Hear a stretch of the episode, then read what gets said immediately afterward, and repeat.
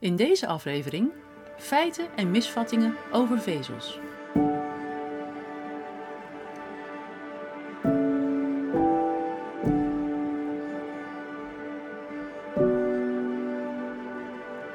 Bij de Keto Podcast nummer 61 alweer. En ik vind het ontzettend leuk om te vermelden dat, uh, hoewel we pas 61 afleveringen hebben, er inmiddels toch al 180.000 downloads zijn. Dus uh, ja, de website wordt ontzettend goed beluisterd. En daar ben ik natuurlijk super blij mee. En dat uh, sterkt mij weer om vooral door te gaan met deze podcast. Wat gaan we vandaag doen? Vandaag duiken we eens dieper in de wereld van vezels en de rol die ze spelen in onze spijsvertering. Zowel in de reguliere voedingsadviezen als in de voedingsadviezen vanuit ortomoleculaire of natuurvoedingshoek wordt altijd maar gehamerd op vezels, vezels, vezels. Want zonder zouden we niet kunnen en ze zijn zogenaamd essentieel voor de darmgezondheid. Maar je kent me onderhand, ik zou dit niet ter sprake brengen als er ook een andere kant aan die medaille zit. Ik ken aardig wat mensen die juist alleen maar zieker worden van vezels en enorm opknappen als ze die vezels uit hun voeding schrappen. Dus hoe zit het nu eigenlijk? Wat is waar en waar doe je goed aan? Nou, dat leek me een mooi onderwerp voor een podcast, dus ga er even voor zitten of loop een lekker rondje buiten of werk de stapel strijkgoed weg of wat je dan ook doet tijdens het luisteren van een podcast, want we gaan er eens goed in duiken en aan wat wc-humor ontkomen we niet helemaal bij dit onderwerp. Laten we eens starten met de basis. Het is vandaag de dag algemeen gedachtegoed dat voedingsvezels noodzakelijk zijn in een gezonde voeding. Dat ze heel veel gezondheidsvoordelen met zich meebrengen, waaronder het voorkomen van, van darmkanker, het voorkomen van diverticulitis, van aanbijen en van constipatie. Maar om die gedachten nou eens goed te kunnen volgen, kijken we naar het effect van vezels op constipatie, ook wel obstipatie genoemd, of gewoon verstopping niet of moeilijk naar de wc gaan. Dus. Vezels verdelen we in twee groepen: onoplosbare en oplosbare vezels. De onoplosbare vezels kunnen we niet verteren of fermenteren in de darmen en kunnen dus niet opgenomen worden. Dit zijn onder andere cellulose, hemicellulose en lignine. Ze zorgen voor binding van de massa in de darmen en dat lijkt positief te zijn, maar misschien toch niet helemaal. Onoplosbare vezels passeren het gehele versteringsstelsel zonder dat ze enige voedingswaarde leveren. Ze lossen niet op in water of in andere vloeistoffen en ze zorgen alleen maar voor bulk van de stoelgang. Ze hebben een soort bezemwagenfunctie, het voortduwen en vergroten van de massa. De Australische arts Paul Mason legt het uit als volgt. Stel, er staat file op de snelweg en alle auto's van die drie rijbanen willen dezelfde eenbaanse afrit nemen. Is het dan handig om meer auto's op de snelweg te zetten in de hoop dat het verkeer dan sneller doorloopt? Het enige wat onoplosbare vezels doen, is meer auto's in de file zetten. Zou dat het probleem oplossen? Nou, wat denk je zelf? Niet dus, je maakt de opstopping alleen maar erger. En dat doen de vezels in je darmen ook. Studies over vezels laten zien dat voedingsvezels een invloed hebben op de consistentie en transittijd. Maar er is geen enkele studie te vinden die het specifiek heeft over de invloed op constipatie. Is dit misschien een zeer vezelrijk broodje aap? Een ander probleem met de onoplosbare vezels is dat ze de darm schade zouden kunnen toebrengen doordat ze te ruw zijn. Ze vormen geen geleiachtige substantie zoals de oplosbare vezels wel doen wanneer ze met vocht in contact komen. En daarbij blijven ze dus intact en met hun scherpe randjes aan de buitenkant kunnen ze die kwetsbare darmwand beschadigen in het voorbijgaan. Een case-studie toonde al aan dat het verminderen van de vezelinname mogelijk constipatie en andere gerelateerde problemen kan verhelpen. Bij deze studie werden 63 mensen met constipatie uh, met elkaar vergeleken en ze kregen uh, eerst een vezelarm dieet, um, nee, eerst een vezelrijk dieet, toen een vezelarm dieet en toen ook een dieet helemaal zonder vezels. Bij dieet zonder vezels werden niet alleen de voor de hand liggende vezelrijke producten geschrapt, zoals granen en peulvruchten, maar ook alle groenten en fruit. De meest voorkomende symptomen van de deelnemers bij aanvang van deze studie waren constipatie, spanning op de darmen, opgeblazen gevoel, anaal bloedverlies en buikpijn. Toen de deelnemers een vezelrijk dieet volgden, bleven alle symptomen aanwezig en namen de klachten juist toe. Vooral het opgeblazen gevoel werd erger. Vervolgens kregen ze een vezelarm dieet, wat al zorgde voor lichte afname van de klachten. En wat denk je dat er gebeurde toen de deelnemers het dieet volgden zonder vezels? Ze hadden geen symptomen meer. Bij de volgende evaluatie in deze studie, na zo'n zes maanden, waren nog 41 van de 63 deelnemers op het Zero Fiber dieet. Ze hadden geen klachten meer en hadden nauwelijks de vezels weer opgehoogd en hadden hun vezelloze voedingspatroon gewoon voortgezet. Blijkbaar beviel het ze goed. En ja, blijkbaar helpt het toevoegen van meer vezels niet om constipatie te verlichten. Integendeel. En laten we nu eens even kijken naar de oplosbare vezels. En zoals de naam al zegt, deze vezels lossen op in vloeistof. Hoewel, dat klopt niet helemaal, want ze lossen niet echt op, maar ze vormen een soort gelei-achtige substantie. Er wordt gesteld dat die vezels vocht in de darmen aantrekken en daarmee de stoelgang kunnen verzachten.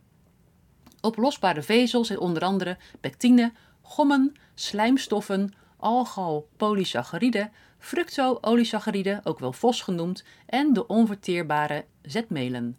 De hypothese dat deze voedingsvezels vocht vasthouden en daarmee de ontlastingsmassa vergroten en versoepelen, is ook in vitro getest. En pectine bleek het grootste watervasthoudende vermogen te hebben, maar veroorzaakte de kleinste verandering in gewicht van die ontlasting. Terwijl zemelen de laagste vochtopname hadden, maar wel de grote toename van het gewicht van de ontlasting veroorzaakte. Dus de onderzoekers concluderen dat er een omgekeerde relatie was tussen het vasthouden van vocht en het opzwellen van de ontlasting. En dit suggereert dat voedingsvezels hun werking niet halen uit simpelweg vasthouden van water. Met andere woorden, vezels verzachten niet per definitie de stoelgang. Hoewel een opgeblazen gevoel niet altijd gerelateerd is aan constipatie, worden voedingsvezels hier wel degelijk mee in verband gebracht met de gasvorming in de darmen. Het is bekend dat voedingsvezels niet in de dunne darm verteerd kunnen worden. Ze worden gefermenteerd in de dikke darm. En bij deze fermentatie komen gassen vrij, zoals methaan en waterstof. En wie wel eens uh, groente gefermenteerd heeft, of uh, kefir heeft gemaakt, of kombucha, die weet dat het fermentatieproces letterlijk de pot of de fles uit kan pruttelen. Nou, dat gebeurt in je darmen ook eigenlijk een beetje. Een mens op vezelrijke voeding produceert zo'n 0,6 tot 1,8 liter gas per dag. Dat kan dus oplopen tot een flinke gasbel in je darmen. En iemand die minder vezels eet, heeft dan ook minder last van gast, gas in de darmen. En om die darmgassen kwijt te raken, laat je ook winden.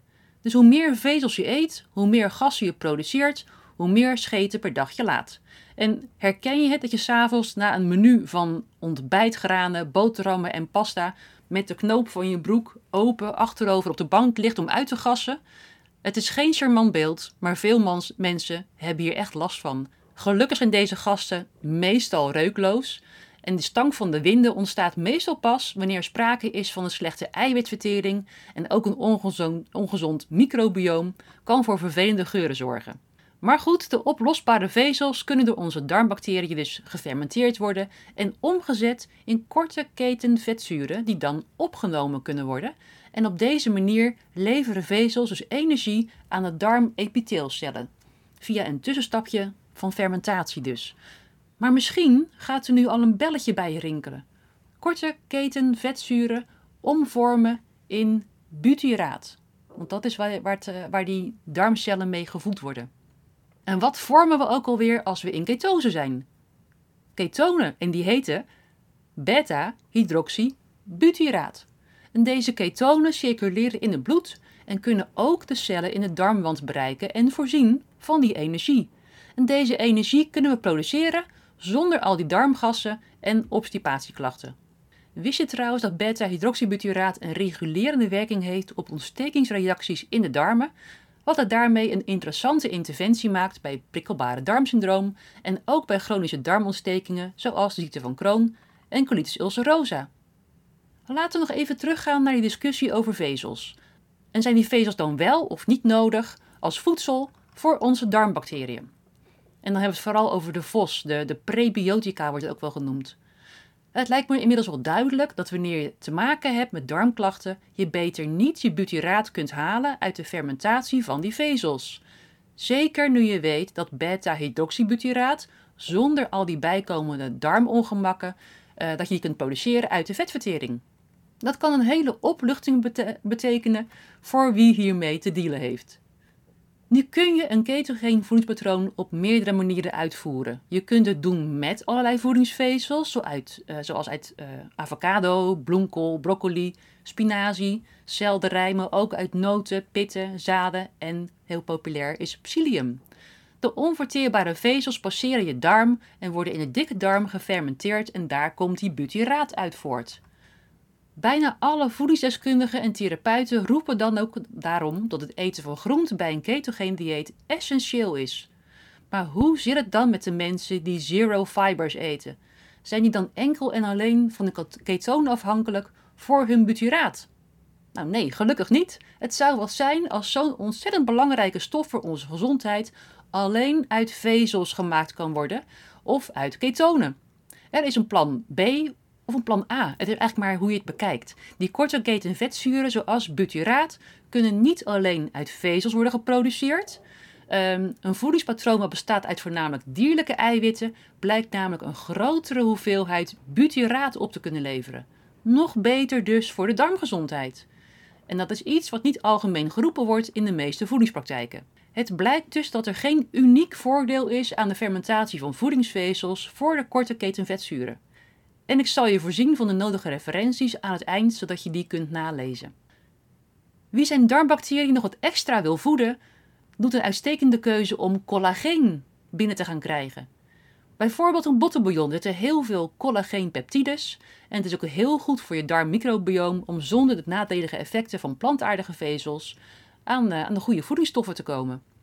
Bottenbouillon heeft trouwens nog veel meer goede effecten op de darmgezondheid. Het levert bijvoorbeeld ook mineralen en andere gezonde voedingsstoffen. Maar wil ik nu zeggen dat je dan maar geen planten meer moet eten? Nee, totaal niet. Ik wil je alleen maar laten zien dat er andere manieren zijn dan de standaard vezeladviezen voor gezonde darmen. Want niet iedereen is hier namelijk mee geholpen en het kan de klachten juist verergeren. Het is juist goed om te weten dat je ook op een andere manier je darmen gezond kan houden dan alleen maar met vezelrijk voedsel. Dus moet je nu vezels eten of niet? Nou, dat is een vraag die ik ook heel vaak hoor in bijvoorbeeld de Keto Switch Challenge. Veel mensen willen graag weten hoeveel vezels moeten ze nu eten nu ze geen granen en peulvruchten meer binnenkrijgen. Het idee dat we vezels moeten eten wordt ons al tientallen jaren ingepeperd. Eet vooral volkoren granen voor een goede spijsvertering. Nou, je kent die boodschap vast wel. Maar heb je je hierbij wel eens afgevraagd waar dat advies eigenlijk vandaan komt en of het wel correct is? Het merendeel van het onderzoek dat de voordelen van die voedingsvezels ondersteunt, is afkomstig uit epidemiologische studies. En hierbij wordt het eten van vezelrijke groenten en fruit in verband gebracht met een verlaagd risico op bepaalde ziektes, zoals obesitas, hartaandoeningen en kanker, en dan met name darmkanker. Maar wanneer dit wordt getest in een laboratorium, kan niet worden aangetoond dat het simpelweg toevoegen van voedingsvezels aan een verder gezond voedingspatroon deze beschermende effecten uh, brengt. Er is zelfs aangetoond dat het overmatig eten van vezels schadelijk kan zijn voor de darmgezondheid. We hebben nu eenmaal niet het darmstelsel van een grote vezeleter. Toch worden vezels nog steeds als de heilige graal gezien in voedingsadviesland, zowel regulier als alternatief. Vezels worden zelfs extra toegevoegd aan producten om ze nog gezonder te maken. Dit kan echter de voedingswaarde van een product juist omlaag halen. Voedingsvezels en stoffen zoals fitaten, die voorkomen in granen, kunnen namelijk de absorptie van mineralen zoals zink, calcium, magnesium en ijzer verhinderen. Ook de opname van bepaalde vitamines kan verhinderd worden. En dan vraag ik me af, zou een fabrikant daarom extra ijzer en vitamines toevoegen aan een product om dat weer een beetje goed te maken? Het interessante vind ik de gedachte dat als je dus minder van die vezels eet, je minder van die mineralen en ook vitamines hoeft in te nemen om het verlies te compenseren. Ik denk, en ik zie zelfs in de praktijk, dat mensen die, in die, die meer dierlijke producten eten, dus meer dierlijke eiwitten en veel minder vezels, dat die een veel betere opnamecapaciteit hebben van die mineralen en vitamines. En als je dan ook nog eens ketogeen eet, heb je ook minder antioxidanten nodig om de productie van vrije radicalen ongedaan te maken. Dat scheelt je maandelijks heel veel geld aan supplementen. En ik merk dat mensen die op deze manier eten, zelfs in de meest extreme vorm, die we het carnivore dieet noemen, eigenlijk nauwelijks tekorten hebben. En vaak zie ik zelfs betere bloedwaardes dan bij de volkoren graneneters. En ik zeg nu niet dat iedereen dan maar carnivore moet gaan eten en de groenten weg moet laten. Als je nou een beetje gezonde darmen hebt, dan kun je die vezels uit groenten best hebben. Maar merk je nou dat je ondanks het weglaten van de granen toch nog last hebt van darmklachten of huidklachten of andere klachten die maar niet weg willen, dat het uh, dan de moeite waard is om te onderzoeken of vezelloos of vezelarm eten voor jou werkt. En daarmee bedoel ik inderdaad een tijd lang animal-based eten met zo min mogelijk groenten. En als je dan toch groenten eet, zorg ervoor dat ze dan totaal tot pap zijn gekookt, waardoor ze heel makkelijk verteerbaar zijn. En ik zal niet gek opkijken als je darmen dan een stuk beter gaan werken en je andere klachten ook verdwijnen. Het betekent waarschijnlijk niet dat je levenslang dan alleen maar nog carnivore kunt eten.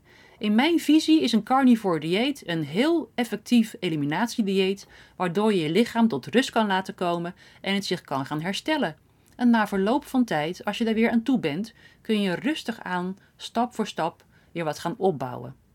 Een goede methode hiervoor is het GAPS-dieet, G-A-P-S-dieet. En luister hiervoor ook nog eens naar aflevering 15 van de Keto-podcast, waarin GAPS-expert en auteur Henrina Mantel je daar veel meer over uitlegt. En zij vertaalde ook de boeken van Dr. Natasha Campbell McBride in het Nederlands, die helemaal over dit onderwerp gaan. En uh, die boeken vind je ook onder andere in de Keto Leefstijl Shop. Nou, wat is nou mijn bedoeling met dit onderwerp? Niet om je bang te maken voor vezels, maar om je na te laten denken over hoe is het nu met jouw darmgezondheid? Heb je bepaalde klachten? Of heb je huidklachten, energiegebrek, een misbank in je hoofd of andere klachten waarvan nou eenmaal is gezegd dat het gewoon bij je hoort? Onderzoek dan eens wat je zelf nog kunt doen en of dat verbetering brengt. Eet je al jaren trouw je vezels, maar levert het niets op? Bouw ze dan af en ervaar zelf of dit een oplossing is voor jou. Het is niet een one-size-fits-all advies en eigenlijk zou je kunnen zeggen dat het meer een geval is van een one-size-fits-none advies. Een voedingsadvies voor, voor iedereen, dat bestaat namelijk niet. Het werkt namelijk niet voor iedereen hetzelfde. Dus breek los van die gevestigde regeltjes als ze je niet helpen en sla ze een andere weg in. Dat geldt voor vezels, dat geldt voor koolhydraten, dat geldt voor vetten, voor zouten en nog veel meer van die vastgeroeste ideeën die nu als de enige waarheid worden verkondigd. En ik richt me niet alleen tot luisteraars die dit bij hunzelf willen gaan toepassen, maar ook, en vooral zelfs, op de professionals die al jarenlang dezelfde adviezen geven en hun klanten of patiënten maar nauwelijks beter krijgen, maar wel blijven roepen dat ze vooral hun vezels, hun koolhydraten uh, moeten blijven eten en hun zouten moeten verminderen en op hun vetten moeten letten. En intussen gebeurt er helemaal niks bijzonders bij die klanten met hun klachten. Hoog tijd dus om eens van de andere kant te gaan kijken en te ontdekken dat er ook andere interventies mogelijk zijn die een veel beter resultaat leveren. Ja, binnenkort geef ik weer een webinar voor professionals die veel meer willen weten over de kracht van een ketogeen voedingsplan voor hun klanten. Dus die link zal ik in de beschrijving zetten zodat je je kunt inschrijven en mee kunt kijken. En wist je ook dat Ketogeen Instituut Nederland opleidingen geeft waarmee je de principes van ketogene voeding en de kracht van ketose in je praktijk kunt brengen? Kijk vooral op de website voor meer informatie en heb je nog vragen? Stuur me dan gerust een e-mail. Ik vertel je er heel graag over, zoals je inmiddels wel hebt gemerkt. Ging het allemaal een beetje snel in deze podcast?